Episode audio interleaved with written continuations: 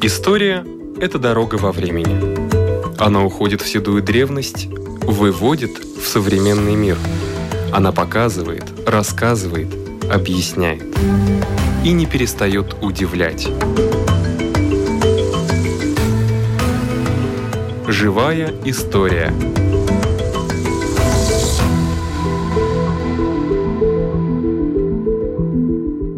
У микрофона Лидия Чера. Есть поколение людей, которые оптимизм и любовь к жизни сохраняют на протяжении всей своей жизни. Янис Клеперс, хобби у которого народный фольклор Латвии, надеюсь, сегодня мне расскажет о том, что мы знаем о Кришане Бароне и что мы совсем не знаем. Например, о том, что Кришан Барон был астрономом. Хотя мне кажется, что астрономия такая наука, которая очень зависит от техники. Нет хорошего телескопа, много не увидишь. Чем больше увеличение телескопа, тем выше, наверное, познание в астрономии. Господин Клепперс, как думаете? Это правда. Астрономия тоже много отраслей, и одно такое календари.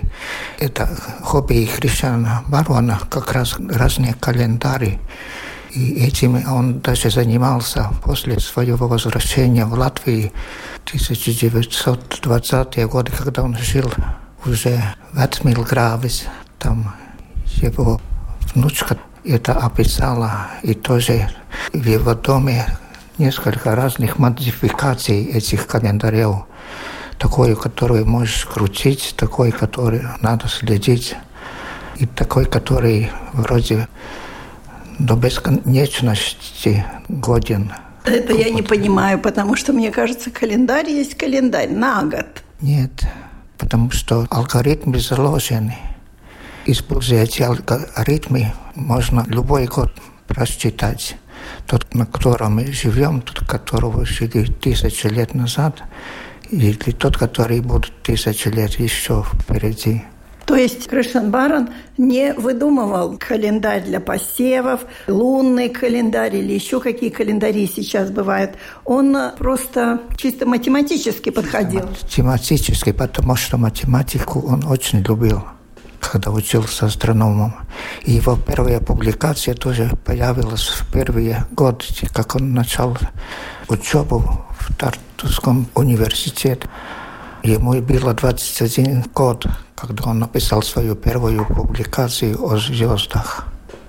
Но он не следил за звездами, он делал по алгоритмам. Он читал и тоже следил ночью, любил смотреть на созвездия. Да, любить это одно, а другое это, наверное, делать какие-то расчеты. Ну, это уже еще перед ним математики делали. Он сумел найти литературу и очень образованный в этом отрасли любил. Если в 21 год у него была первая публикация на протяжении жизни, наверное, было еще некоторые. Вот не знаю. Научные статьи ему, наверное, какие-то 40 или 50. А еще он писал очень много разных других статей, в том числе очень хорошие юмореские.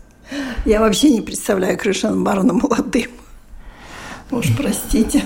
Да, он очень здоровый был. Это очень много любил писать. Так, и его цель была учить любого крестьяна, любого жителя достижениями науки, как далеко она прошла, и что разные вещи обозначает, как правильно им переводить и не поддаться мантицибой. Не поддаться суеверию. Но для того, чтобы делиться знаниями, нужно их вначале получить. Вот его знания, каким образом он получал по той же астрономии? Он сидел в библиотеках, и публичных библиотеках, и библиотеках высших школ. Очень много сидел, читал, смотрел.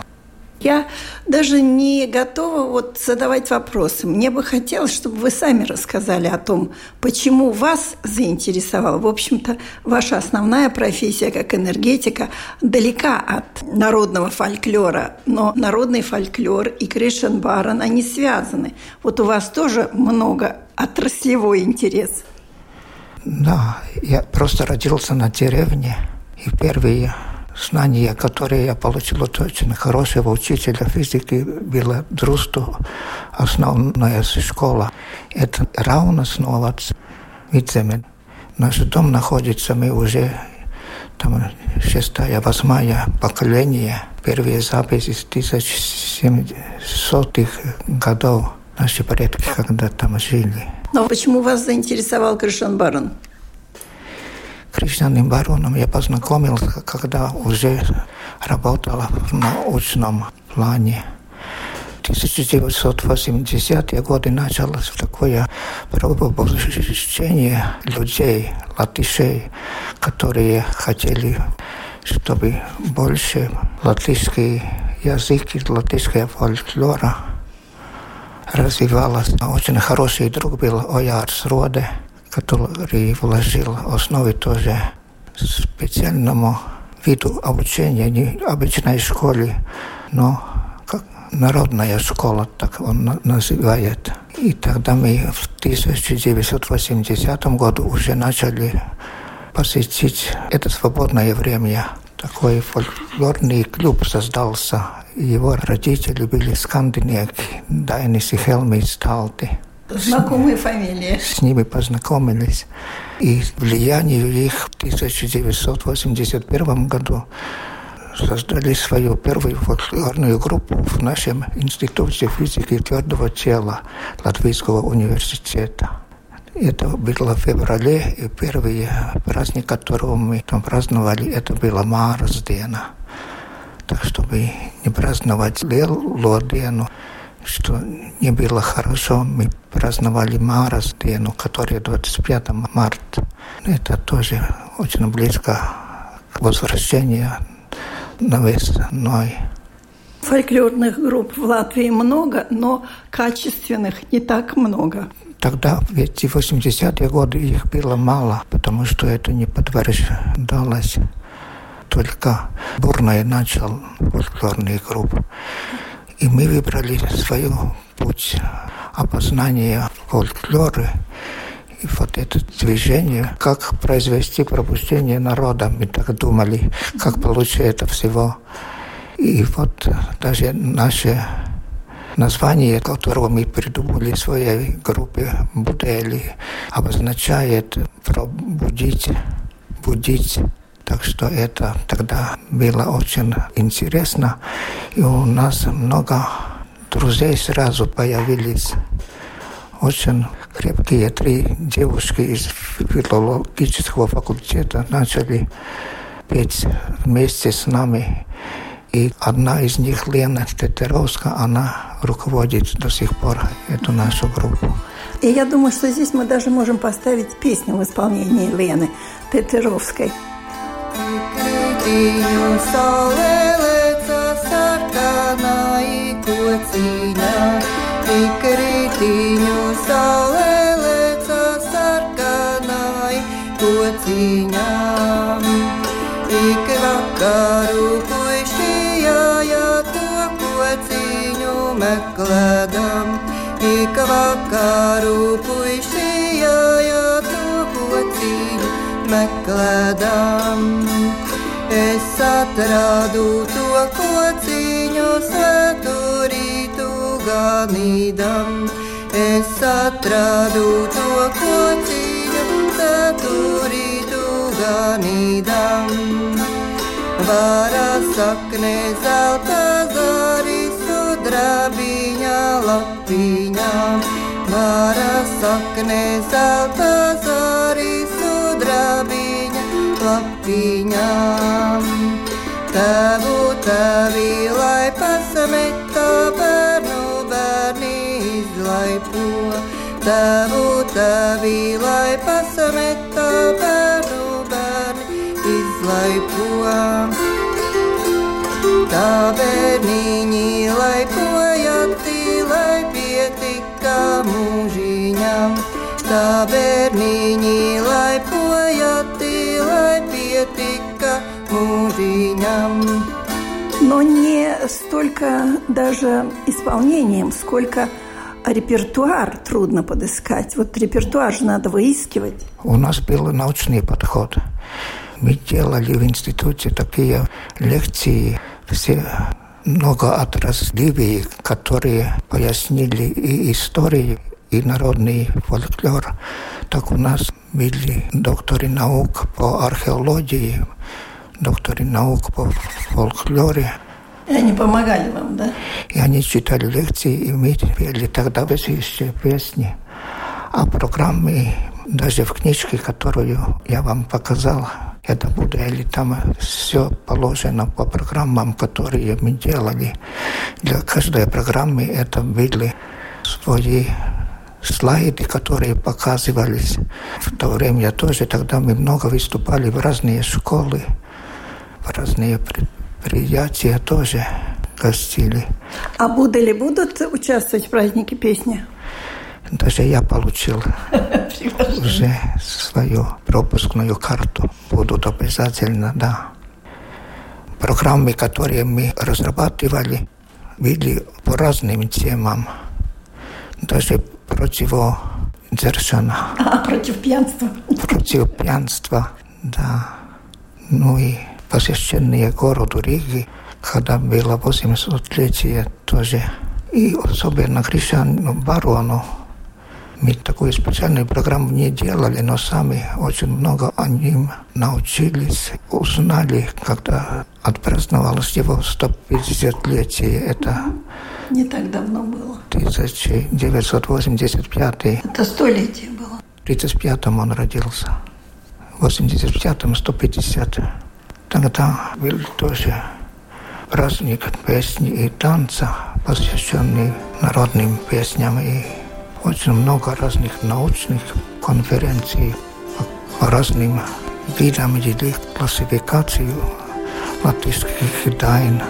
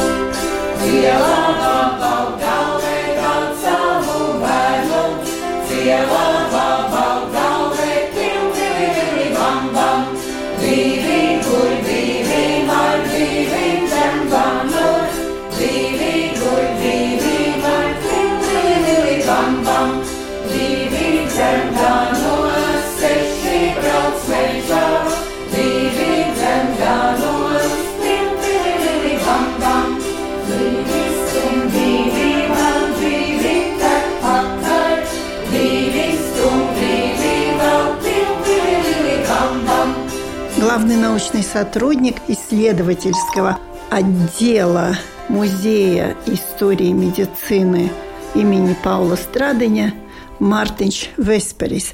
И сегодня мы поговорим об истории ортопедии в Латвии. Ортопедия Латвии или протезы, дело не протез, это мы можем говорить, в принципе, только о 20 веке.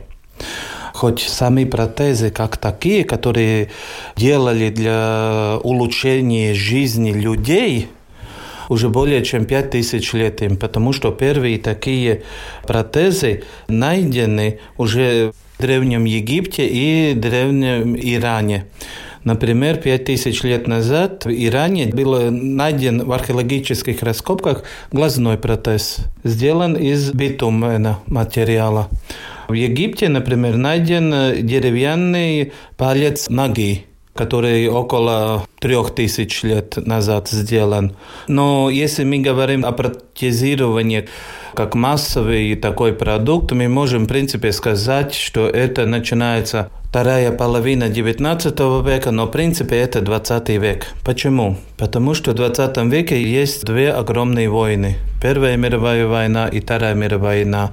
И сама отрасль от того и в принципе, возникает как масштабный массовый продукт.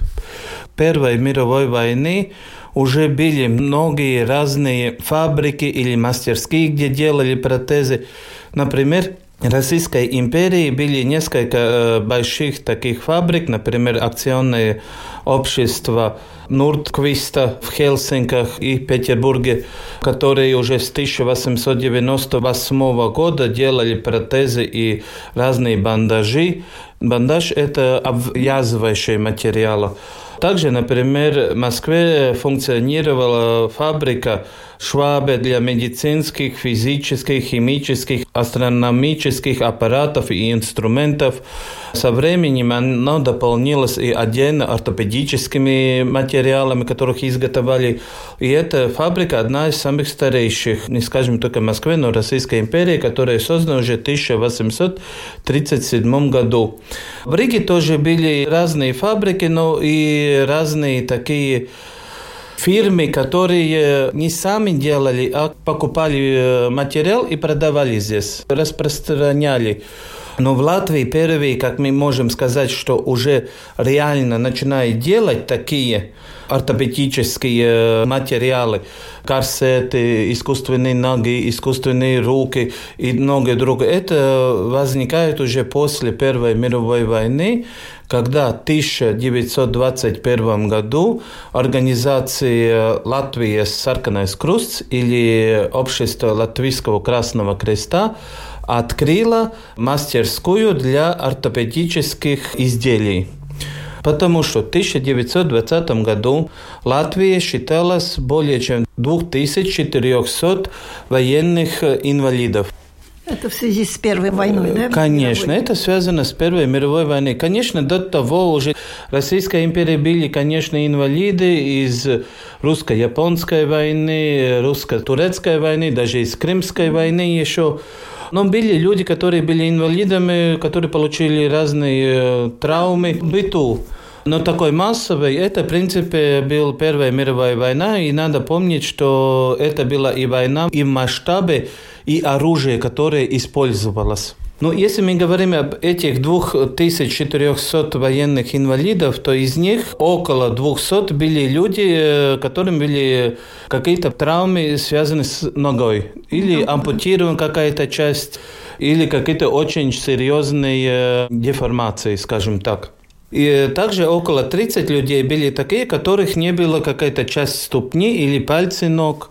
Около 85 людей, у которых были повреждены руки или ампутации, или какие-то другие большие э, деформации. 175 людей с ампутированными пальцами, или один палец, или больше, ну, по-разному. Но главным образом большинство из всех этих людей, это были люди, у которых были какие-то нервные болезни или какие-то тяжелые формы э, костной системы, mm-hmm. которые, возможно, еще не заросла, или какие-то другие э, травмы. И в результате этого организация Латвийский Красный Крест решил создать такую фабрику, во-первых, потому что до Первой мировой войны было принято, что много протезов уже делаются в фабриках или мастерских, и потом их подгоняют под инвалида или пациента. А Красный Крест понял, что надо создавать для каждого инвалида отдельную протезу для э, самого человека, потому что, во-первых, удобнее ему будет ее носить, не будет никаких болезненных травм. То, что и сейчас происходит, индивидуальность, да. И, конечно, это гораздо дешевле, чем закупать из Германии и привезти. Угу. То есть делали здесь? Да, конечно, были материалы, которые привозили из зарубежья, не все в Латвии сами делали, но в то же время много вещей могли сами здесь делать. Но главное было заботиться о самом пациенте как индивиде, угу. а не как одного из многих. В результате этого уже в середине 20-х годов 20 века все военные инвалиды получили уже протезы. И началось то, что начали им делать уже второй протез. Что это значит? Например, один протез, мы скажем так, рабочий протез. Да. А второй протез, если рабочий протез сломается, или, скажем так, чтобы второй протез для выхода в люди. Инвалидам протезы делались бесплатно. Это платило государство. Но Красный Крест и начал обслуживать и людей, которые получили бытовые травмы. Например, в фабриках какие-то тяжелые ожоги или автокатастрофах. Или, например, в селах, когда появились машины для собирания сена и э, попали под машинами и так далее. Даже описывается, что уже в конце 30-х годов больше обслуживаются вот э, простые э, люди, чем фронтовики. Интересно, что в начале 20-х годов у них даже были еще два человека, которые были инвалидами еще с Крымской войны, также русско-турецкой войны и, конечно, русско-японской войны. Не было так, что только те, которые пострадали Первой мировой войне, а обслуживались все, кому надо было, нужды. Что же делали? Какие протезы делал Латвийский Красный Крест?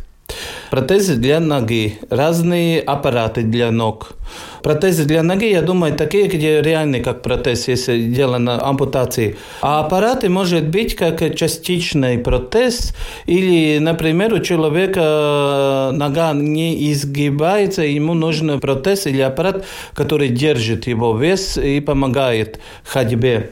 Протезы для рук. Также, например, разные ортопедические корсеты.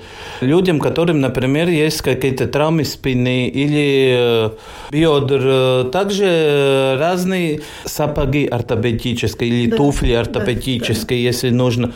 Много разных бандаж, костыли, также коляски для инвалидов, которые сами они могут э, передвигаться, или простые такие, как отдыхательные коляски, и многое-многое другое. Со временем эта мастерская превращается как большую, э, огромную такую фабрику. Не хочется назвать, но в принципе так и было, потому что там уже больше не делают только ортопедические предметы, но начали изготовлять больничную мебель, детские игрушки из дерева, конечно. И многое-многое другое, что надо было для хозяйственных нужд самого Красного Креста и для других медицинских учреждений Латвии других. Ох, я сейчас прерву, потому что я, насколько помню, что Латвийский Красный Крест, ведь для того, чтобы развивать эту отрасль, нужно было иметь средства. И я знаю, что средства получали от продажи игральными картами, правда? Да, но здесь надо помнить одну вещь. Латвия пережила Первую мировую войну не как территория, которая была только глубинке от войны, но реально через всю Латвию прошла фронт. Также была и гражданская война Латвии в 1918-1920 годах. И государство было полностью разорено. Новое государство не было, в принципе, никаких средств, чтобы помочь нуждающимся.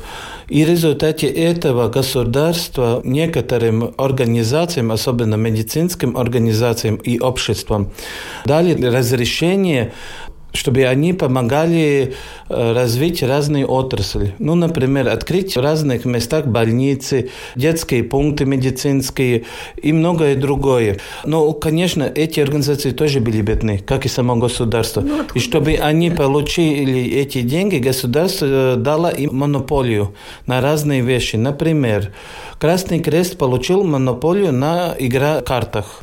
И это было очень большие средства, которые, в ну, принципе, шли прибыльное дело, дело да. да. Потому что еще надо помнить одну вещь до 40-х годов игрательные карты были, что это телевизор, радио и компьютер. Это был предмет развлечения. Да. Например, организация Латвийское туберкулезное общество, которое в этом году празднует столетие создания, им было дано э, монопол на телеграммы. и так далее, и так далее. Да. И это помогало этим организациям развить и свою систему. Надо запомнить еще, ни одно лечение не было бесплатно. Да. Кто-то за нее платил. Мы все время хотим, чтобы э, все нам было бесплатно, но эти деньги где-то надо быть, потому что врачам, медсестрам надо платить зарплаты. Конечно, много можно делать бесплатно, но жить без еды тоже невозможно. И в результате этого о военных инвалидов заботилось государство, давало эти деньги. Для простых инвалидах, то или сами платили, или э, какое-то учреждение, или какой-то город Рига, или кто-то другой, но кто-то за них платил. Мог и платить сам Красный Крест. Но кто-то все время платил. Все говорят, все было бесплатно. Это не было так. Да. Это неправильно. Интересно и то, что сами модели ортопедические, что делал Красный Крест, не могу сказать, что они были уникальны. Таких ортопедических делалось и в германских фабриках, и даже советской России делались. Но интересно то, что их улучшали так, чтобы для каждого инвалида он был индивидуальным. Потому что мы знаем, кто-то выше роста, которому короткие ноги, которому длиннее ноги и так далее. И каждый этот протез был улучшен для каждого индивидуально. Если мы говорим о врачах, которые работали в этой организации, и особенно отделе ортопедии, то хотелось бы назвать двух врачей. Один из таких врачей – это по национальности балтийский немец, Рейнхолд Александр фон Зенбуш, который уже начинал в ортопедическом отделе Красного Креста работать с 1921 года до 1935 года. Интересно, что у него уже до Первой мировой войны был э, свой личный такой физиотренажерный э, кабинет. Старшее поколение, возможно, знает сандерские аппараты. В советское время такие аппараты были на курортах, например, Кисловодске, где до сих пор они функционируют. А Также, как они выглядят? Как тренажеры. Как тренажеры. Даже в Рижской Ригс травматологии Нортбедис где руководил Калнберс, там тоже были те же самые аппараты, которые когда-то принадлежали Рейнхолду фон Зенбушу. После войны их просто национализировали, и так они попали в эту больницу. И второй из врачей – это доцент Латвийского университета Раймонд Павасарс, первый из врачей, который защитил докторскую работу в ортопедии. В Латвии. В Латвии, да. В 1938 году, 20 января, об ампутациях и протезах. Это его работа была. И э, надо сказать, что вообще до Второй мировой войны Латвии как хирурги, ортопеды, были не так уж много врачей. Если считается, что до Второй мировой войны Латвии было около двух тысяч врачей по специализации, как врачи, то специализации хирург-ортопед их э, реально было около только шесть. Возможно, было еще кто-то, но он официально не получил эту специальность хирург-ортопед. Один из них – это Александр Безинч. Еще до Второй мировой войны он считался детским ортопедом. Потом еще был врач Рахеле Фридман, Манне Левенсон. Интересно, что врач Манне Левенсон закупал за границей протезы и здесь распространял. В Музее медицины и истории даже хранится один протез, где на его протезе даже выбито его имя как автограф, э, скажем. Ну, скажем тогда, я нигде не нашел, что он сам их и э, производил. Производил. Возможно, что он улучшал для больных, но да. протез или часть этого протеза он, конечно, закупал, потому что сделать сами протезы это тоже очень надо специальных специалистов трудоемкий и, и, и трудоемкий и дорогой труд. Еще, как я уже упоминал, один из врачей был Раймунд Павесарс, еще детский хирург-ортопед был Элза Виттенберга. И также Рейнхолд Александр фон Зенбуш. Если мы посматриваем их биографии, то интересно, что только через этих шести людей мы можем увидеть историю Латвии 20 века. Ну, например, Рейнхолд Александр фон Зенбуш был э, балтийским немцем. В 1939 году он э, эмигрировал в Германию, как все, как все немцы. И, к сожалению, отправился в Познань, где этих немцев разместили. Это нынешний Познань, Польша. Да, и там и погиб. Рахела Фридман погибла во время Холокауста, когда с всей семьей самоубийство сделали. Манне Левенсон попал в эвакуацию в Советский Союз, но, к сожалению, вся его семья осталась в Риге и погибла в Холокаусте. Александр Безенч остался в Латвии и был выдающимся хирургом и ортопедом. В его честь даже был открыт музей в Мадонском новоде. И еще в Латвии осталась Элза Виттенберга, которая после Второй мировой войны жила в Лепае, в Гробине, там как врач работала. А сам Раймонд Павасарс во время Второй мировой войны уехал в Германию в 1944 году. И в Германии с 1945 до 1950 года руководил Либекской латышской больницей. Это такой уникальный факт, так как это была только вторая такая латышская больница за границей латвийской территории и территории э, Российской империи. Еще такая одна латышская больница была в Бразилии, где была латышская коммуна. А после германского периода, в 1951 году, он эмигрировал в Америку, United States, и э, там, в принципе, работал разные работы, но ортопедией уже больше не занимался. Если мы сегодня смотрим, что происходит в Украине о войне, то надо сказать, что ортопедия это очень важно для человека, потому что она дает человеку быть независимым. Инвалиду. О, да, инвалиду. Сейчас уже есть гораздо лучше сделаны протезы. И он, как уже писал Латвийский Красный Крест в 1920 году, мы возвращаем этого человека на работу.